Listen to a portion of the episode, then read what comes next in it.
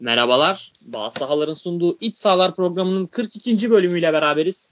Ben Burak.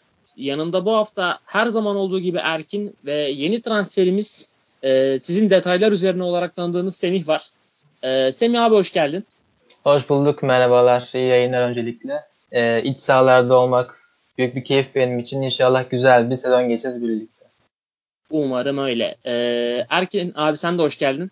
Hoş bulduk Burak'cığım teşekkür ederim. Nasılsınız? İyi misiniz arkadaşlar? İyiyiz abi. Ee, isterseniz e, hızlı bir şekilde Beşiktaş-Başakşehir maçına geçelim. Çünkü son dakikaları çok hızlı bir maçtı ve bu maçı gerçekten konuşmak istiyorum. Ee, Semih abi e, senle başlamak istiyorum.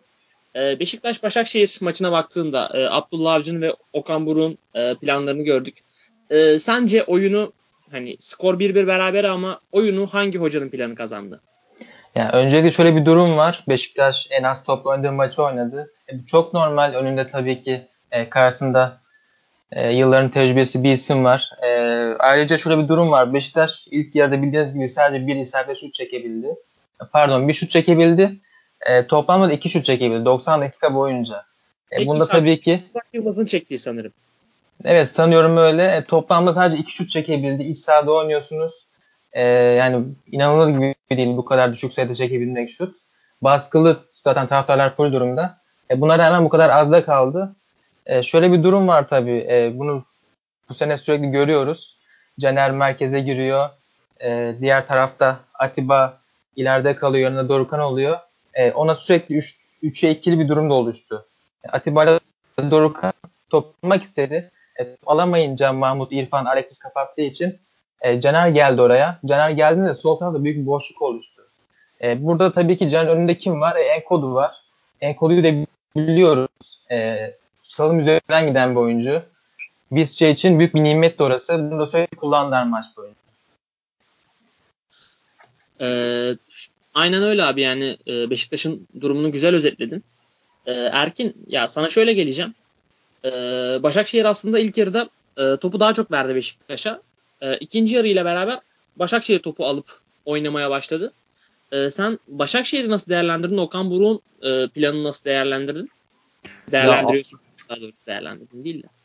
Aslında ilk yarıda bence iki takım da istediğini yapamadı. Çok uzaktı futbol olarak ikisi de. E, ve çok sıkıcı bir maç oldu ilk yarıda. Ama e, ikinci yarıda Başakşehir'in ben e, yani Beşiktaş'tan istediğini maç boyunca yapamadı o kesin de.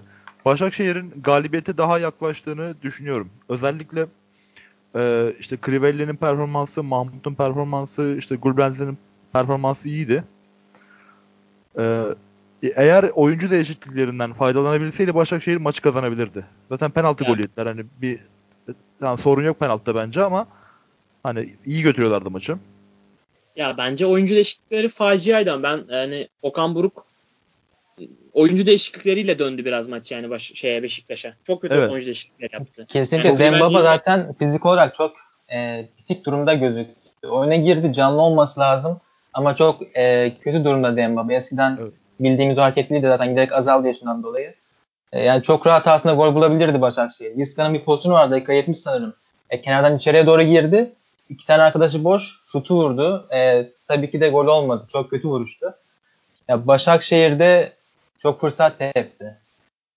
Ya daha evet, iyi olabilirlerdi. Dembaba çok düşürdü. Bir de hani oyuna giren isimlere bakıyorsunuz. Arda, Mehmet Topal, Dembaba ne olursa olsun Türkiye'de şampiyonluk tecrübesi olan isimler. Hani kağıt üzerinde çok iyi bir kadro gibi görünüyor hala Başakşehir ama çok zayıf kaldılar. Özellikle Arda ve Dembaba.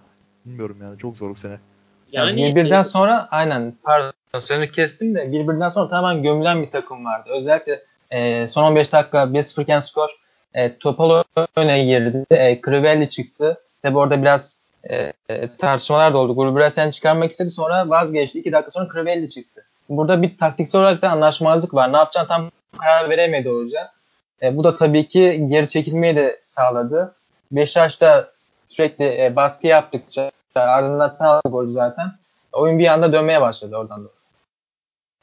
Ee, yani genel itibariyle Beşiktaş'ın hani çok kötü bir maç çıkardığını söyleyebiliriz. İlk hatta 70 dakika 80 dakika. Maçın son 10 dakikasında böyle bir taraftar gazıyla penaltıdan sonra bir evet. e, bastırabildiler ancak. Ama abi e, şey de söyleyebiliriz herhalde. Yani Oğuzhan Özyakup'un da maça bir hareketlilik getirdiğini söyleyebiliriz herhalde girdikten sonra.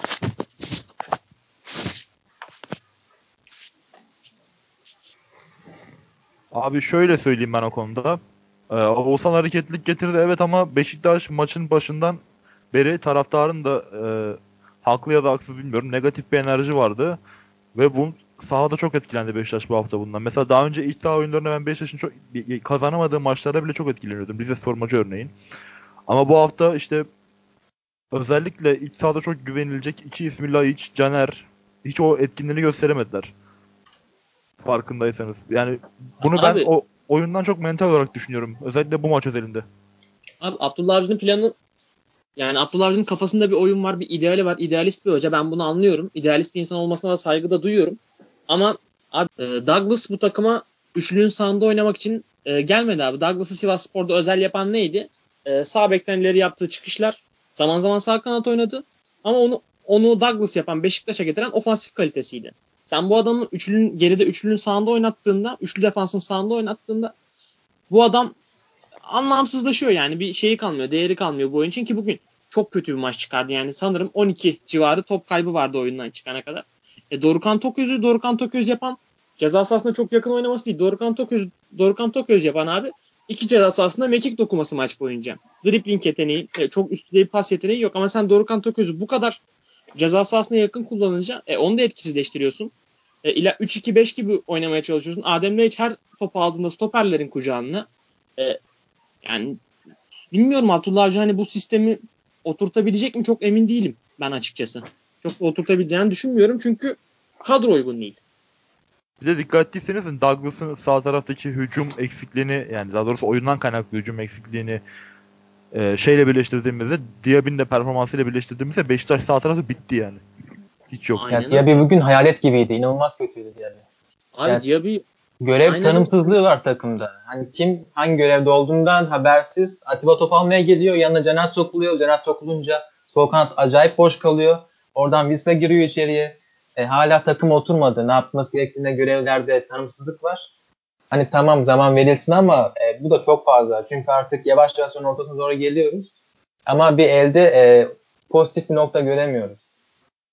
Ya ben Abdullah Avcı'dan açıkçası e, Semih bir esneklik görmek istiyorum plan anlamında. E, sen Abdullah Avcı'nın yani tanıyoruz onu 10 senedir hayatımızda olan biri artık. E, sen onun esneklik göstereceğini düşünüyor musun bu plan üzerinden? Yani ben kendi bildiği oyunda ısrar edeceğini düşünüyorum. İlerleyen haftalarda da sanıyorum öyle olacak. Yani çok sert bir fikstüre de giriyor artık Beşiktaş. Ee, bu maçları var. kayıpsız geçmesi gerekiyordu. Haftaya Trabzon var. Laiç yok mesela. Ardından e, iç sahada Wolverhampton'la oynayacaklar. Yani ondan sonra lider Alanya Spor'la oynayacaklar. Çok zor deplasman, çok zor maçlar. Ardından Ankara gücü deplasmanı. E, giderek zorlaşan bir fikstür var. Sonrasında tabii Galatasaray maçı da var. E, çok zor günler bekliyor Beşiktaş'ı bu oyunla beraber. Ben bunda ısrar edeceğini düşünüyorum hocanın. Ama her ısrarda tabii ki olumsuz sonuçlanabiliyor. Şu an gidişler çok iyi gözükmüyor. Ben, ben şuna ben Beşiktaş'ı 2003 yılından beri izliyorum abi. Yani yaklaşık olarak. Ben Beşiktaş'ın Vodafone Arena'da iç sahada hani topa bu kadar sahip olmasına rağmen bu kadar e, pozisyona az girme pozisyonu pozisyonu yoktu bugün Beşiktaş'ın yani. Pozisyonu yoktu. Böyle bir maçını hatırlamıyorum Beşiktaş'ın. Yani skandal bir hücum organizasyonu vardı sahada. Hiç Kesinlikle beğenmedim. katılıyorum. Ben bir de şunu eklemek istiyorum. Semin dediklerine katılarak, senin dediklerine katılarak tabii. Ee, bu oyun anlayışında ısrar edeceğini ben de düşünüyorum. Çünkü basın toplantısında ye, kazanamadı Rize Spor maçında ona rağmen hani göze hoş gelen futbolunu beğendi. Bugün belki o yoktu ama e, sadece bugüne bakarak da uzun vadeli bir değişiklik yapacağını düşünmüyorum. Bir de bunun dışında e, çok zor bir fikstüre giriyor. E, burada yapacağı bir taktiksel kumar ve onun akabinde gelecek başarı sonuç çok daha büyük bir e, felakete götürebilir camiayı. Çünkü yönetilme de arası yok taraftarın. Hocayla da arası olmazsa çok büyük sıkıntı olur. Aynen öyle abi. Beşiktaş'ta şu an yani e, kaynayan bir kazan gibi Beşiktaş. Her şey olabilir orada. E, çok kısa bir hani Başakşehir'e değinelim bir iki cümleyle. E, Semih abi e, Başakşehir'de yani orta sahayı bugün iyi kapattılar. Hatta Alex için e, Laiç'e bir adam adama markajını da gördük zaman zaman. Yani Okan Buruk Laiç'e kesinlikle özel bir önlem almış. Ee, sanırım değişikliklere kadar Okan Buruk kafasındaki oyunu e, sahaya yansıttı diyebiliriz. Ya ilk yarı ben Başakşehir'in disiplini çok beğendim. Mesela Kayseri ve Klişi ileriye çok az çıktılar. Ege'de boş da bırakmak istemediler. Bu kadar kötü gözükmesinde Kayseri'nin de büyük etkisi var tabii. Tabii çok disiplinli oynadılar. İleriye e, çıkmaktan çok savunmaya bir ön planda tuttular. Geriye top atılmamasından dolayı. Çünkü şöyle bir şey de var. E, bunu Okan Buruk da biliyor tabii ki. E, Başakşehir e, pardon Baş, Beşiktaş pas çıkamadığında orta sahada geriye uzun toplar denedi. Burak olsun, e, Enkodu olsun, Diye olsun sürekli uzun toplar denedi. E, bunu da indiremediği zaman da tamamen kesildi Beşiktaş'ın hücumları. E, böyle olduğu zaman da bekler ileriye çıkmadığında Başakşehir'de Beşiktaş tamamen kilitlendi. İlk yarı bir şutla tamamladılar zaten. Ardından e, bekledi Başakşehir. İkinci yarı başladığında da daha bir efektif takım gördük. Tabii ki ikinci yarı 9 şut çekti Başakşehir. 6 tane de isabet şutu var. Ki şöyle bir durum var genel sezona baktığımız zaman. 11 şut çekip e, 7 tane isabet şutu ulaştı Başakşehir. Bu lig için kendileri adına rekor. İlk kez bu kadar yüksek yüzdeyle şut başarısına ulaştılar. Yani bu tamamen taktiksel başarıdır. Okan Buruk gayet iyi bir maç çıkardı bence. Tabii değişiklikleri ait tutuyorum. Onlar yanlıştı bize göre. Kendi tabii en iyi bildiği şey yapıyor ama daha iyi değişiklikler görebilirdik ondan. Ee, Başakşehir yani ben ma- golden sonra e, maçı koparacak pozisyonları da buldu. E, değerlendiremediler. Sonra maç gitti. Tekrar e, berabere duruma geldi. Şanssız bir penaltı pozisyonundan. E, onlar adına şanssız bir sonuç diyebiliriz. Bence 3 puanı kaybeden taraf bugün e, Başakşehir'di. E, yani, yavaştan isterseniz e, buyur abi söyle söyleyeceğini. Hem şanssız bir sonuçtu hem de e, yani Başakşehir bu kadar disiplinden söz, söz ettiğimiz halde Efroyano'nun çok basit penaltı yaptırması bence 2 puana mal oldu yani. Hiç beklenmeyecek bir isim yaptı. Göstere ama. göstere yaptı. Uzun süre formayı çekti. Çok basit hata gerçeği. Aynen öyle. Bu seviyenin hatası olamaz. Aynen. Ee, seviye demişken e, Suat Arslan bu da bence bu seviyenin hakemi kesinlikle olamaz. Hayatımda gördüğüm top 3 kötü hakem yönetiminden biriydi. Bu kadar kötü hakem yönetimi hatırlamıyorum. Uzun zamandır gerçekten faciaydı. Ona da bir ufaktan değinmiş olalım. Kesinlikle katılıyorum. Üstüne söyleyeceğim evet. bir şey yok yani. Aynen ee, öyle. Çok haklısınız. e, o zaman yavaştan Fenerbahçe Ankara gücü maçına geçelim. E, Fenerbahçe zor da olsa 2-1'lik bir galibiyet aldı. E, Vedat Muriç'in attığı golle. E, yani Fenerbahçe taraftarları aslında bu maçtan önce daha rahat bir galibiyet bekliyorlardı ama hiç bekledikleri gibi olmadı. Ankara gücü gayet karakterli ve disiplinli bir oyun oynadı. Alanları iyi daralttı ve Fenerbahçe'yi gerçekten de zorladılar. Ee, şöyle geleceğim Semih sana. Ee, Fenerbahçe'nin aslında baktığımız zaman e, pozisyon bulmakta çok e, zorlanmadığını görüyoruz. Bir şekilde pozisyon buluyor Fenerbahçe. Ama bunları gole çevirme yüzdesi çok yüksek değil. Ee, sen evet. bunun sen bu durumun e, Fenerbahçe'yi sezonun ilerleyen dönemlerinde sıkıntıya sokacağını düşünüyor musun bu durumun? Ankara gücü maçındaki ya, takımda üçüncü oyuncu çıkmıyor. E, skor üstlenecek, yük üstlenecek. Takımda Vedat var en fazla şut çeken. E, sonra Kruse geliyor. Emre geliyor. Tabii Emre'nin devam, devamsızlık sorunu da var. Onu da biliyoruz. Ya Fenerbahçe 30 şut çekti. Rekor oldu Ankara gücü maçı.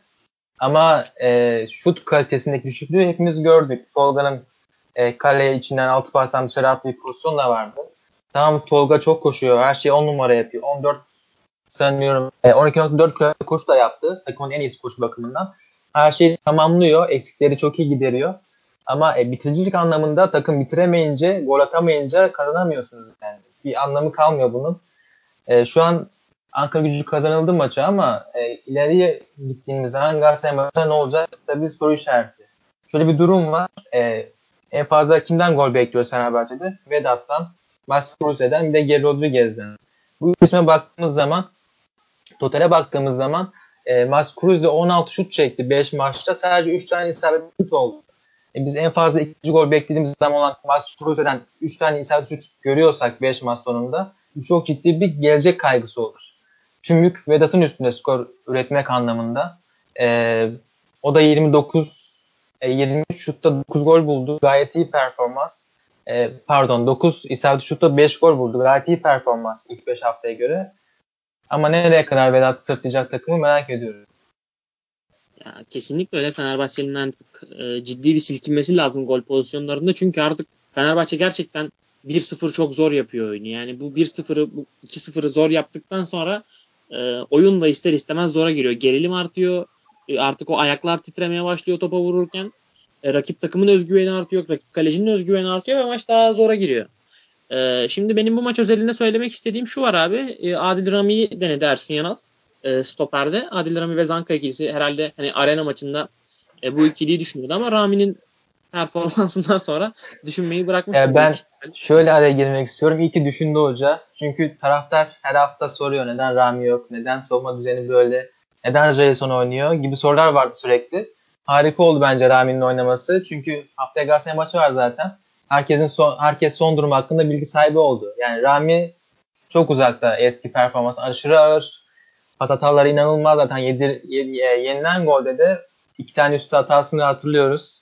Yani Rami uzun süre yedekte oturmaya devam edecek. Ya ben şunu anlamıyorum. Rami bu durumdayken ne Serdar onu kesebiliyor ne Sadık onu kesebiliyor. Çok karanlık savunma rotasyonu, gidişatı. Kesinlikle. Ya bu takımda ben ya ben Jason hani Serdar formda da olsa ben Jason'un yine oynaması gerektiğini düşünüyorum. Çünkü e, Jason abi oyuna girdikten sonra e, oyunun nasıl değiştiğini gördük aslında. Yani Jason'un sanki pas kalitesi aynen, sanki gerçek stoper Jason gibi gördük. Rami'den çok daha iyi oynadı yani. Aynen öyle. Yani Jason'un pas kalitesi, driplingle geriden çıkması Fenerbahçe'yi o kadar rahatlatıyor ki. Hani orta saha oyuncuları daha konforlu oynuyorlar Jason oyundayken. Jason çıkıp Rami Zanka girdiğinde ise o ikinci bölgeye yapılan pas ilk yarı genelde şey izledik. Yani Rami Zanka'ya verdi. Zanka Rami'ye verdi. Rami Zanka'ya verdi. Ne oldu? Uzun top attılar. Gustavo'ya verdiler. Gustavo uzun top attı ama kilitlendi yani Fenerbahçe. O yüzden Jason'un çok kilit bir e, rolü var Fenerbahçe için. Uzun süre ee, devam edecek gibi gözüküyor savunma ortasında da. Aynen öyle abi. Aynen öyle. Ya bir de ben şuna değinmek istiyorum.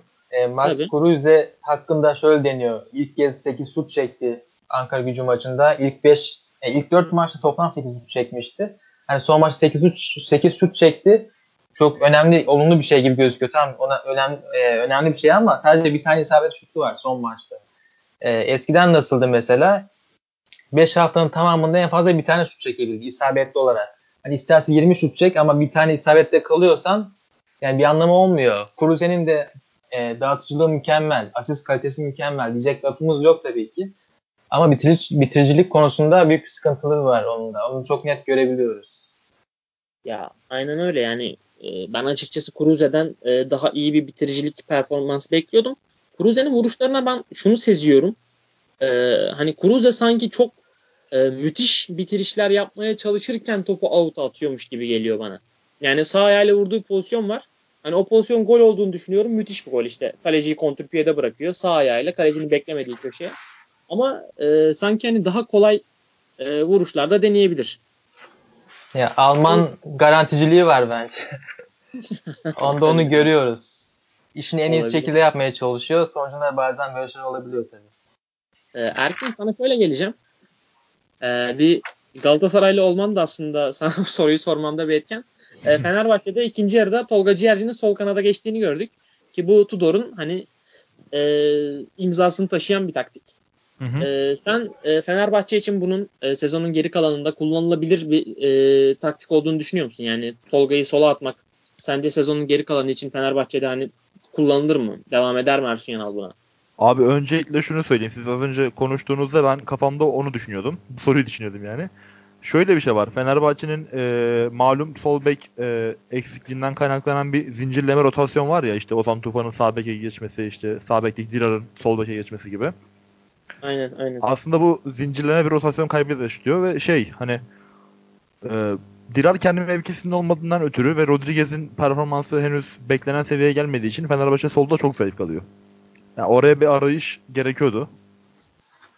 Denenmesi bile iyi oldu bence. Ama e, Tolga Ciğerci'nin e, Galatasaray'daki sol bek oynadıktan sonraki haftalarını hatırlıyorum. Bir sakatlık geçirdi. Ondan sonrasında forma şansı bulamadı ama formu çok düştü sonradan.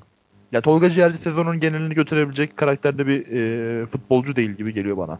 O yüzden e, tamamen Tolga'ya güvenerek e, oraya bir güvence sağlamak çok zor. Anlıyorum yani e, tabii sakatlık problemi olan bir oyuncu ama yine de e, ikinci bir plan olabilir. Yani atıyorum şu an Ersun Yanal için bence arenaya tol, sağ solda Tolga ile çıkmak e, çok da e, saçma bir plan değil gibi geliyor bana. Yani şu anki durumda sen öyle ama Fenerbahçe'nin e, hani bu geçmiş zamanla ilgili konuşmak istiyorum ama bir yatırım yapacaksa transfer zamanında sol tarafı çok önemli. Çünkü Hani bu maçta Ankara gücü çok zayıf kaldı ama Fenerbahçe'nin e, birçok bölgesi işledi. Hani Rami hariç. Stoper'de Zanka'ydı ben çok kötü bulmadım. Rami, bence Zanka Rami'nin açıklarını kapatamadığı için biraz kötüymüş gibi göründü bu maç. Hatta bununla ilgili sen Twitter'da bir şey yazmıştın. Onu hatırlatmak isterim. Orgil'in pozisyonu Ranka ile ilgili bir şey yoktu bence. Ya bence de ya şey orada yani e, müdahale etmeye çalışması bence orada daha riskli olurdu. Hani Evet, maç, maçı kaybetmeyebilirdi yani. ya bir de Orgil çok atletik, çok hızlı bir oyuncu. Hani müdahale ederken çok hızlı topun önüne geçebilir ve zaten orada oyuncuya dokunduğun anda e, kırmızı kartla oyun dışındasın. Yani Zanka Aynen bence öyle. orada e, doğru olanı yaptı.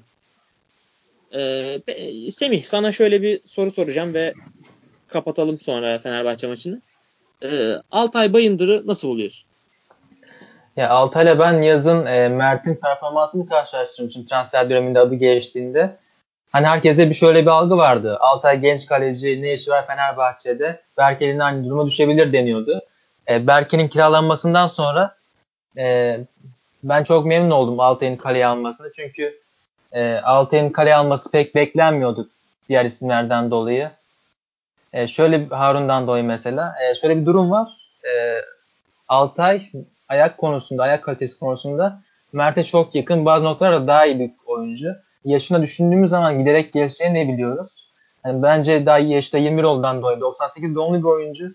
Uzun yıllar çok rahat götürebilir Fenerbahçe kalesini. Hatalar yapacak mı? Tabii ki de yapacak. Evet, böyle böyle gelişiyor futbolcular. Ama özellikle ben yan topta biraz e, yan toplarda özellikle bir zafiyeti var gibi sanki. A- Evet, açılıyor, korkmuyor. evet. Evet, evet. Ama Bazen hani- e, Alanya maçını hatırlıyoruz. Yaptığı hata inanılmazdı. Ama böyle böyle gelişecek. Hani Fenerbahçe'nin sabretmesi gerekiyor. Ee, bir de ben Gustavo konusuna da girmek istiyorum. E, Gustavo ilk maçı e, içeride oynanan ilk, ilk maçı oldu. Taraftar önüne çıktı. Hani tam rakiple de ilgili denebilir bir şeyler ama e, kendine ilk oyuna baktığımızda gerçekten kusursuz bir oyun vardı. E, ilk kez Fenerbahçe'de bir savunma farklı şekilde orta saha oyuncusu topla buluştu en fazla. Yani şöyle diyebiliriz. İlk 4 maçın tamamında stoper ikilileri topla en fazla oynayan oyunculardı Fenerbahçe'de. İlk kez Luis Gustavo bir orta saha olarak topla en çok oynayan oyuncu oldu. E, bu ben çok pozitif bir nokta çünkü e, oyunların en fazla orta oyuncularıyla kurulması gelecek için çok önemli. Eskiden e, sürekli topa en fazla sahip olanlar Jason'a da Zanka'ydı. %12'ye kadar gelmişti bu oran e, yüzde olarak. Gustavo %9.7 topa sahip oldu. E, bu da bu bağlamda tabii ki çok önemli ve %97 pas serbestliğine de ulaştı. 6'da 6 ikili mücadele yüzden üstün çıktı. 2'de 2 driblik yaptı. Bence mükemmel maç oynadı. Kesinlikle öyle abi. Yani Gustavo konusunu gerçekten hani istatistiklerle çok iyi açıkladın. Ee, ben üstüne e, bir şey söylemek is- istemiyorum yani Fenerbahçe maçıyla ilgili. Erkin senin var mı eklemek istediğin bir şey Fenerbahçe maçıyla ilgili? İki şey var çok ufak. Gustavo ile ilgili Semih'e katılmakla beraber Gustavo'nun e, fark ettiyseniz çok da hırslı bir karakterdi. Hani Aynen. ya- yakın Lider zamanda yakın zamanda o, o anlamda Fenerbahçe çok büyük bir katkısı olabilir yani. Şampiyon oynayan takımlarda böyle oyuncular lazımdır. Galatasaray'da Melo örneği vardı bunun. Bir de e, Ankara gücünde e, Korcan'a çok yüklenildi ilk yediği golden dolayı. Hani ama bence Kulisic, Pazdan ve Korcan üçlüsü olmasa yani onlar da kendi takımlarındaki diğer oyuncular ortalamasında bir performans gösterse Fenerbahçe de çok iyi olmamasına rağmen maçı çok daha rahat koparabilirdi bence. Onu da söyleyeyim. öyle. Yani orada e, Korcan iyiydi. Abi orada zaten Pazdan ve Orgil zaten Ankara gücünün hani e, temelini oluşturuyor. Orgil ile Pazdan'dan birini çektiğin anda Ankara gücü e, zor maç kazanır bu lig. Ya ben onu çok merak ediyorum. Orgil olmadığında takım ne yapacak? Bir de Kanteros tabii ki. O da takımın en fazla toplanan ismi, topla buluşan ismi. E bir de şöyle bir şey var. Ankara gücü ilk kez 5. haftada bir tane maçta e, kaleye fazla 3 şut çektiler 5. maçlarında. Bu en fazla olan e, isabetli şut sayıları oldu. Yani onlar da deniyor, uğraşıyor ama takımda ana beyin olarak e, Paz'dan, Orgil, Kanteros olduğundan bu 3 ismin bir ya da ikisi çıktığında takımdan ne olacak çok merak ediyorum. Bakalım neler izleyeceğiz. Tabii ki onun transfer tahtasının da kapalı olmasından dolayı hani ellerinden gelen en iyi oyunu oynamaya çalışıyor. Aynen. Bence gayet de e, saygı duyulası bir performans gösterdiler Fenerbahçe maçında. E, o zaman yavaştan Galatasaray, e, yeni Malatya Spor Galatasaray maçına geçelim. E, Galatasaray 89. dakikada yediği golle mağlup, ay, mağlup oldu diyorum. Berabere kaldı. E, Erkin abi e, ya Galatasaray'ı e, nasıl buldun? Sanki Galatasaray hani ilk yarıda bir 5 dakika 5-10 dakikada yeni Malatya Spor'u nakavt etmek için bir fırsatı vardı. O fırsatı değerlendiremedi.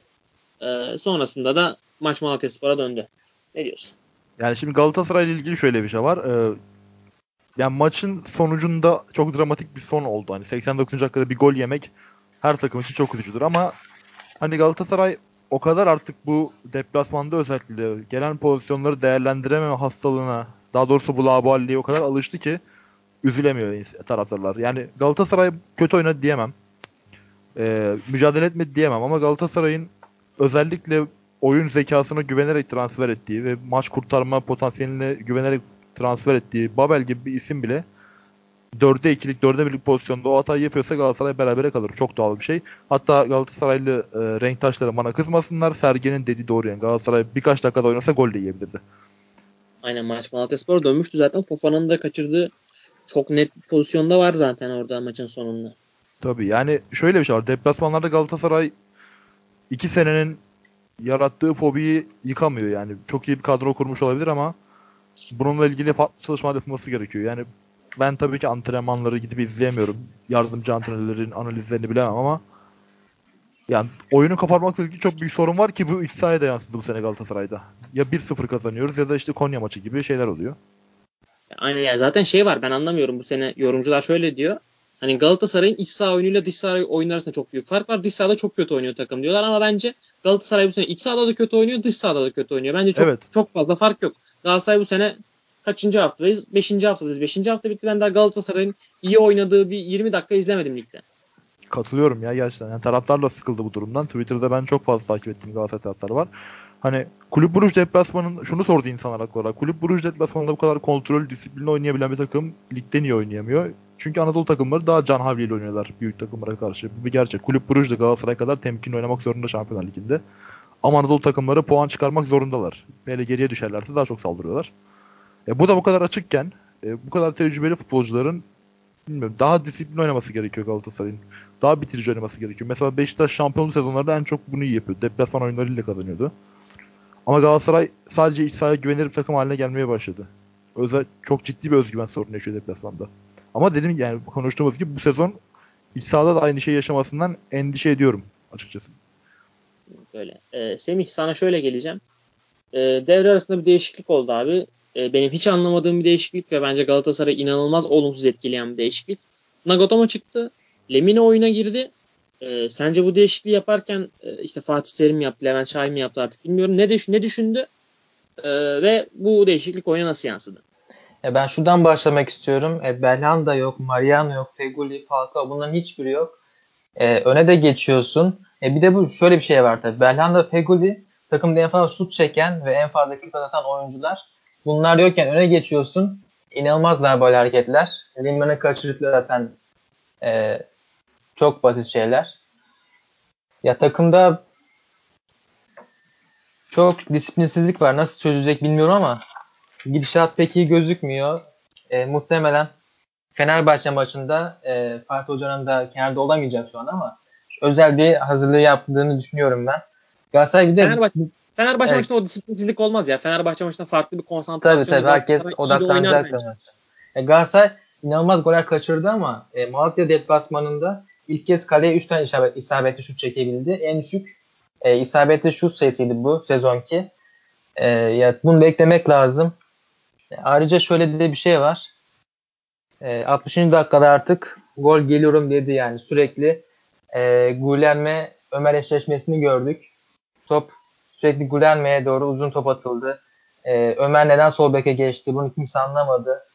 E, ben merak ediyorum niye böyle bir taktik fiziksel değişiklikler oldu. E, zaten skor 1-0.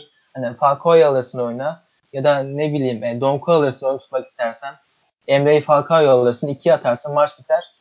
Yani Galatasaray anlamsız şekilde 1-0'a çok yattı. Yani şunu da eklemek istiyorum buraya özür dilerim girdim. Ee, e, sezonun oynanan 4 maçında Yeni Malatya Spor oynadı. Özellikle iç Başakşehir ve Dep Ankara Gücü deplasmanı 4-0 kazandılar yanılmıyorsam. Yani Gülhermen'in nasıl top oynadığını ben izlediysem Galatasaray antrenörleri de izlemiştir. Takım da izlemiştir. Az çok hakimdir konuya. Hani bu adama önlem alınmaması 90. dakikada yenilen golde bu adamın ne kadar boş kaldığını gördük. Yani oyun tutmak istiyorsan Donku alman lazım. Tutmak istemiyorsan iki atmak istiyorsan Falcao niye 89'a girdi? Çok çok ciddi mantıksal çelişkiler var. Hata da demiyorum ama çelişki benim gözümde. Ya bir de şöyle bir şey var ha Malatya Spor'la oynayabileceğin en müsait zamanda oynadın. Fofana yok, Bifuma yok, Gökhan Töre yok. E abi yani Malatya Spor'un zaten tek bireysel tehdidi Gilerme kalıyor bu oyunda. Bir de şunu Gilerme- eklemek istiyorum bu arada. E, Malatya Spor da en fazla şut çekti. ikinci maçını oynadı bu sezon. Hani bu kadar eksik var. Ama neredeyse en iyi oyunlarına birini oynadı şut anlamında. Galatasaray'a karşı. Kesinlikle öyle.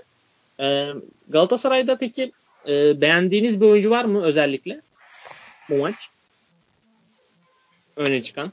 Ömer Bayram diyebilirim ben. Bence orta sahada kaldığı sürece iyiydi. İlk yarıdaki Ömer Bayram diyebiliriz aynen. Aynen öyle. Ömer Bayram diyorum ben de.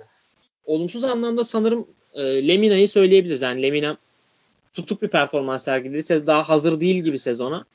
Ee, onun dışında hani takım zaten genel olarak çok iyi gözükmedi. Belli bir 15 dakikalık bir kısmın dışında. De Marcao çok iyi değildi. E, bir de seride biraz hareketlenmeler gördüm. E, Ya, aynen Bence aynen. elinden geleni yaptı maçta. Evet. Arkaya aşırdığı top gayet iyiydi yani maç gelini. Andone de seri- aslında çalışkandı ama e, Andone iyi beslenemedi ve şey ya ilk maçı zaten adamı çok kısamıyorum ama eleştirildiği kadar kötü değil. Çok eleştirdiler sosyal medyada ama o açılacaktır, iyi olacaktır yani.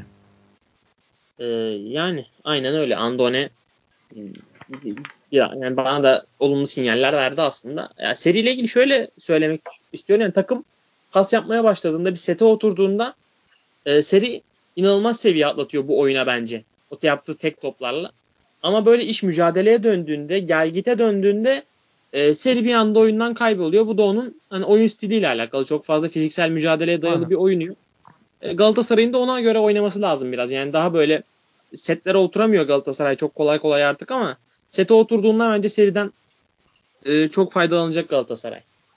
Evet, Pascal serinin, çok yüksek. serinin tabiatı o zaten ya gerçekten. Hani vücut fizik olarak da öyle, oyun olarak bildiğimiz yön de öyle. Yani bir de şöyle bir nokta var. Geçen sene seri Fulham'da açık ara en fazla e, kilit pas atan oyuncuydu. E, Galatasaray'da bu sezon ise dördüncü sırada seri. Ömer Bayram daha çok ondan kilit pas atıyor. Hani seri biraz da ön plana çıkartıp e, 8.5 gibi oynatsa Galatasaray daha faydalı olabilir. Daha fazla rakip kaleye gitmesi lazım serinin. Bakalım ne olacak gelecek haftalarda. Bence haftalar ilerledikçe takımda biraz daha oturmaya başladıkça e, seride şeyini ritmini arttıracak bence. Yani o sinyalleri yavaş yavaş vermeye başladı. E, isterseniz Galatasaray maçını da yavaştan kapatalım eklemek istediğiniz bir şey yoksa. Tamamdır. Tamam. Ee, Göztepe Konyaspor maçına geçmek istiyorum. Göztepe e, 4, 4 haftalık bir e, galibiyetsizlik serisinin ardından e, galibiyetle tanıştı. Hem de 10 kişiyken tanıştı galibiyetle. E, ben Göztepe'nin bu maçki coşkusunu, oyununu e, çok beğendim. E, Konyaspor'da aynı şekilde hiç beğenmedim. Yani Konyaspor'da çok tutuk bir Konyaspor vardı. E, Semih yani Göztepe Alanya Spor maçında Göztepe'yi nasıl buldun? Sence Göztepe hani bu futbolun şeyinde temelinde ne vardı? Yani Göztepe çok istekli başladı maça. Ya şöyle bir durum var. Çok e, pozitif bir şey.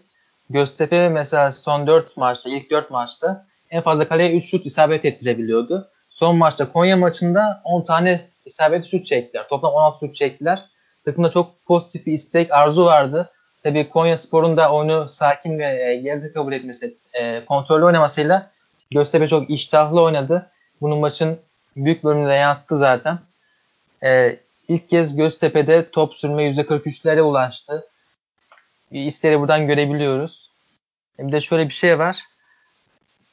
E, hücumlarda Serdar kullanıldı sık sık. Çizgiye inip içeriye kat etmelerde kullanıldı. Poco'nun kırmızısı sonrası 4-4-1'e dönüldü sistem olarak. E, Jerome biraz yalnız kaldı. Onu da söylemek gerekiyor. Ayrıca bu takım sonuç Evet. olarak bu takım yine gol bulamadı bir şekilde yani. Penaltı olmasa yine Göztepe e, golsüz tamamlayacaktı maçı. O da Yes. enteresan bir nokta. Bu takımın ciddi bir gol sıkıntısı var ve bu gol sıkıntısı pozisyona girmesine rağmen hala çözülebilmiş değil. Ya Serkan mükemmel bir maç oynadı. Onu da söylemek gerek tabii. Neler neler kurtardı. O da kendi adına 8 kurtarış yaptı. Gayet iyi bir oyun ortaya koydu. Hani Göztepe pozisyona girdi ilk kez. Bu kadar iştahlı bir takım gördük ama bir türlü bitirme konusunda sıkıntı yaşıyorlar. Bir de şöyle bir şey var. E, takım Geçen seneden beri var zaten Göztepe'de o. Evet Poco'ya bağımlılık var. Bu 5 maçın 4'ünde Poco en fazla e, takımda adam geçen e, top çalan oyuncu oluyordu. En fazla olumlu katkı o yapıyordu. Hani Poco olmazsa ne olacak çok merak ediyorum Göztepe adına. Tamam lig kötü başladı ama hani Poco çıkardığımız zaman nasıl evet e, ne yapacak Göztepe merak ediyorum gelecek maçlarda. Ya bir de şunu eklemek istiyorum. Jerome bu maç ilk kez ilk 11 oynadı. Yani Jerome benim özel olarak Süper Lig'de fanı olduğum bir oyuncu. Gerçekten çok beğenerek izliyorum Jerome'u. Bu maçta da bence e, Göztepe'nin oyunun temelinde yine Jerome vardı. Çünkü Jerome bir forvet olmasına rağmen bir e, Vedat Muriç tarzı hani o geriye gelip top dağıtması ileride e, Serdar Gürler'i işte Mossoro'yu sürekli oyunun içine sokması e, Göztepe'nin oyununu çok olumlu etkiledi. Yani Jerome'un genelde kararları da doğru. Hani bitiricilik noktasında çok iyi bir forvet olmamasına rağmen e, Göztepe'nin oyununu kesinlikle e, ileri taşınmasında rol aldı. E, bir e, de onun... şöyle bir durum var. E, Jerome forvet ama hani %87 pas yaptı bu adam son maçta Konya maçında. Yani biz hiç buna alışkın değiliz normalde forvetlerde. Çok daha düşük olur pas isabet noktasında. Durum. E, gayet iyi bir oyun ortaya koydu Jerome. Tabii Napoli, e, Jerome Halil değişikliğiyle Napoleon yerine de Halil aldı. Mossoro merkeze geldi. E, ben Göztepe'yi çok e, Göztepe'den çok mutluyum. Toko'nun eksikliği sonrası ne olacak merak ediyorum tabii ama genel uzun vadede Göztepe umut veriyor bana. Yani umarım ya ben Göztepe bu ligde yani düşmesini istemediğim bir takım. Bu statta o taraftarın coşkusunu falan gördüğünde insan bir etkileniyor zaten. Biz Konya Spor'la ilgili de bu maç için aslında Aykut Kocaman bize çok fazla söylenecek bir şey bırakmadı. Şöyle dedi maçtan sonra. Maçın bizim için kırılma noktası yoktu. Baştan sona kötüydük dedi. Aynen öyle yani. Ama baştan sona kötüydüler abi. Bu maçla ilgili Konya Spor'la ilgili konuşulacak çok da bir şey yok. Ee, Alanya Spor Gençler Birliği maçına değinelim. Lidere gelelim yavaştan. Ee, 13 puanla Alanya Spor liderliğini sürdürüyor. Ee, Gençler Birliği 1-1 berabere kaldılar. Ee, onun dışında aynen 13 puanla lider Alanya Spor. Ee, Erkin Alanya Spor'da e, abi baktığımızda Junior Fernandez ve Potisisi üzerinden temellenen bir oyun var. Yani e, bu iki oyuncu takımın en önemli iki oyuncusu konumunda. Hı hı. E, sen Alanya Spor'un bu performansı e, daha ne kadar sürdürebileceğini düşünüyorsun? Yani bu sence tesadüfi bir performans mı yoksa Alanya Spor hak ederek mi e, burada? Aslında Alanya Spor'un e, e, önceki haftalara göre bakıldığında bu hafta hem Fernandez Hisse'yi söyleyebilirim de Bakasetas'ı da katıyorum işin içine. Calmayı da katayım hadi hücum oyuncusu olarak. Çok yeterli bulmadım. Siz nasıl düşünüyorsunuz bilmiyorum ama yani bu maçı kazanabilecekti belki Alanya Spor ama ileride çok yetersiz kaldı. Ee, bana göre kilit oyuncular var yani bireysel olarak konuşuyorum çünkü Alanya Spor takım olarak çok iyi analiz etmiş değilim. Ama e, Erol Bulut iyi bir hoca ve Ceyhun Gülselam, işte Bakasetas, Fernandez ve Sisse gibi kilit oyuncular e, bireysel olarak bile bir şekilde oyunu değiştirebilecek olurlarsa Alanya Spor bir standart yakalar. Tabii ki şampiyonluk adayı değil. Yani iler üst sıraları zorlayacak ama tabii ki şampiyonluk adayı değil. Onun dışında yani sen bu performansın çok fazla devam edeceğini düşünmüyorsun anladığım kadarıyla. Ya tabii liderlik olarak devam edeceğini hiç düşünmedim zaten ama Avrupa Ligi'ni zorlarsa da dediğim şekilde yani birkaç tane kilit oyuncusu var. Bunların bireysel olarak en azından performans göstermesi lazım. Takım olarak tabii ki ritim değişecektir ilerleyen zamanlarda. Öyle yani. Ya benim Alanya Spor'la ilgili e, şöyle bir yorumum var. Semih bilmiyorum e, katılır mısın? E, ben bu takımın eğer arıza vermeye başlarsa orta üçlüden dolayı arıza vermeye başlayacağını düşünüyorum. Çünkü hani iler, ileri üçlü problem yok. Efecan geldiğinde oraya. Geri dörtlüle bence gayet iyi. Ama bence Siopis Ceyhun ikilisi özellikle Ceyhun'u çok benim güvendiğim bir oyuncu değil. Ve Bakasetas e, çok fazla yeterli gözükmüyor bana. Yani bu şeyi çok fazla sürdürecek gibi gelmiyor. Atıyorum ilk üçe, ilk ikiye oynayacak bir takımın orta üçlüsü bence Ceyhun, Siopis ve Bakasetas olmaz ve bu üçlü bir yerde kaynatmaya başlayacak bence. Ne diyorsun? E, biz Alanya'yı büyük takımlara karşı nasıl görüyoruz? E, uzun toplarla sonuca giden takım oluyorlar. Gençler Birliği maçı nasıl oldu? Alanya üzerine gelen takımları hızlı geçerek ekart etmesiyle bilinen bir takım ama Gençler Birliği savunmayı öne çıkarmayan adamlarla oynadığı zaman geride kalan takımlara karşı e, geç savunmayı çok ileri çıkarmadılar. E, bekleyerek oynadılar. Alanya kilidi açamadı. Hiç ileriye top götüremedi. Zaten golü duran toptan geldi. Tüm etkinlikleri çözülmüş oldu Alanya'nın. E, ayrıca şöyle de bir şey oldu. E, Ensakala ve Fernandez Sisse'yi beslemeye çalıştı ama Sisse ne arkaya koşu yapabildi ne de e, rahat şut imkanı bulabildi. Tamamen kitlenen bir maç oldu Alliance Spor adına. Yani tamam Sisse 4 şut çekti en fazla şut çeken oyuncu ama takımda e, zaten sadece 5 şut çekebildiler. Biz Alanya'da ne gördük önceden? E, iyi pozisyona giriyorlardı. Zaten ligin en fazla asiste gol bulan takımı Alanya Spor. E, pozisyona giriyorlar. Buldukları gibi direkt atıyorlar. Kaliteli bitirişler yapıyorlar. O pozisyonlar da yani bireysellikten çok takım oyunuyla bitiriyorlar pozisyonları. Ama Gençler Birliği maçında her yeri iyi kontrol eden, geriye iyi yaslanan takımlar karşısında Alanya Spor topu Sisi'ye ulaştıramıyor. Takım oyunu şeklinde ileriye gidip e, bitiricilik gösteremiyorlar bu bakımdan dolayı. Yani Alanya Spor birinci bölgede en az pas yapan takım ama ligde e, bunu uzun toplarla hücuma çıktıkları için sonuçlandıramadıklarında giderek e, Anadolu takımlarına karşı bir zorlanma bekliyorum ben Alanya Spor'da. Bir de şunu eklemek Kesin. istiyorum. Özür dilerim abi. gittim bari. Abi şeye dikkat ettiyseniz hani Fernandez, Sisse, Bakasetas'ı eleştirdim. Hadi Bakasetas'ı bu konuda ayrı tutuyorum. Ama e, Gençler Birliği'nde Oğuz'un performansı, Ahmet Oğuz'un performansı dikkat etmişsinizdir. Korkunç oynadı. Yani hem topa sahip oldu hem çok iyi ikili mücadelelerde ve hava toplarında çok iyi, çok başarılıydı. Takımın en başarılı oyuncusuydu. E, bu Fernandez'i biraz kitledi tabii doğal olarak. Fernandez kitlenince Sisse de kitlenmiş oldu. Aslında Evet. biraz onları eleştirmem yani Gençler Birliği'nin defans olarak orada iyi karşılık vermesinden kaynaklanıyor. Bu arada Gençler Birliği Diallo ilk defa ilk 11 çıktı. E, Diallo'yu da ben çok beğendim. Diallo da yani e, Berat'ı keser böyle giderse. Orada orta sahanın orta sahaya yazılacak ilk oyuncu Diallo olur. Ki zaten onun iyi olduğu dönemde Gençler Birliği ilk yarıda daha iyi oynadı. O oyundan düşmeye başladı zaten çıkana kadar biraz. O arada e, artık Alanya Spor oyunun kontrolünü daha rahat ele almaya başladı. E, Ben bu şunu da eklemek ilgili- istiyorum Ahmet Oğuz'la ilgili. E, harika Buyur abi. oynadı gerçekten. E, bir de hava topunda takımın en fazla hava topu kazanan oyuncusuydu. Takımda en fazla top çalan oyuncusuydu. E, 9 top çaldı, 6 hava topu kazandı. Harika bir Ahmet Oğuz izledik. E, maçın en iyi oyuncusu da açık ara bence. Kesinlikle öyle abi. Ee, o zaman son olarak da Gaziantep e, Rize Rize Gaziantep maçına gelelim. 2-1'lik bir Gazişehir Gaziantep e, galibiyeti. Abi yani Gazişehir Gaziantep'te şöyle Gazişehir'de şöyle bir durum var. Ee, yani bu takım çok müthiş bir futbol oynamıyor. Çok böyle iyi oyuncuları yok. Yani kaliteli oyuncuları var elbet ama yani kadro kalitesi böyle çok uçuk değil.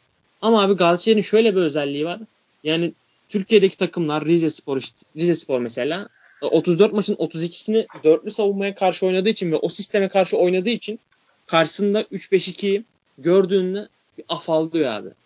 Yani e, Türk takımlar bu üçlü savunmaya karşı oynamaya alışık değil ve her takım Gazişehir karşısında bu afallamayı yaşıyor ve yaşamaya da devam edecek bence. E, Sumudika sırf e, bu hani ülkeye getirdiği taktiksel farklılık için takdir edilmeli bence.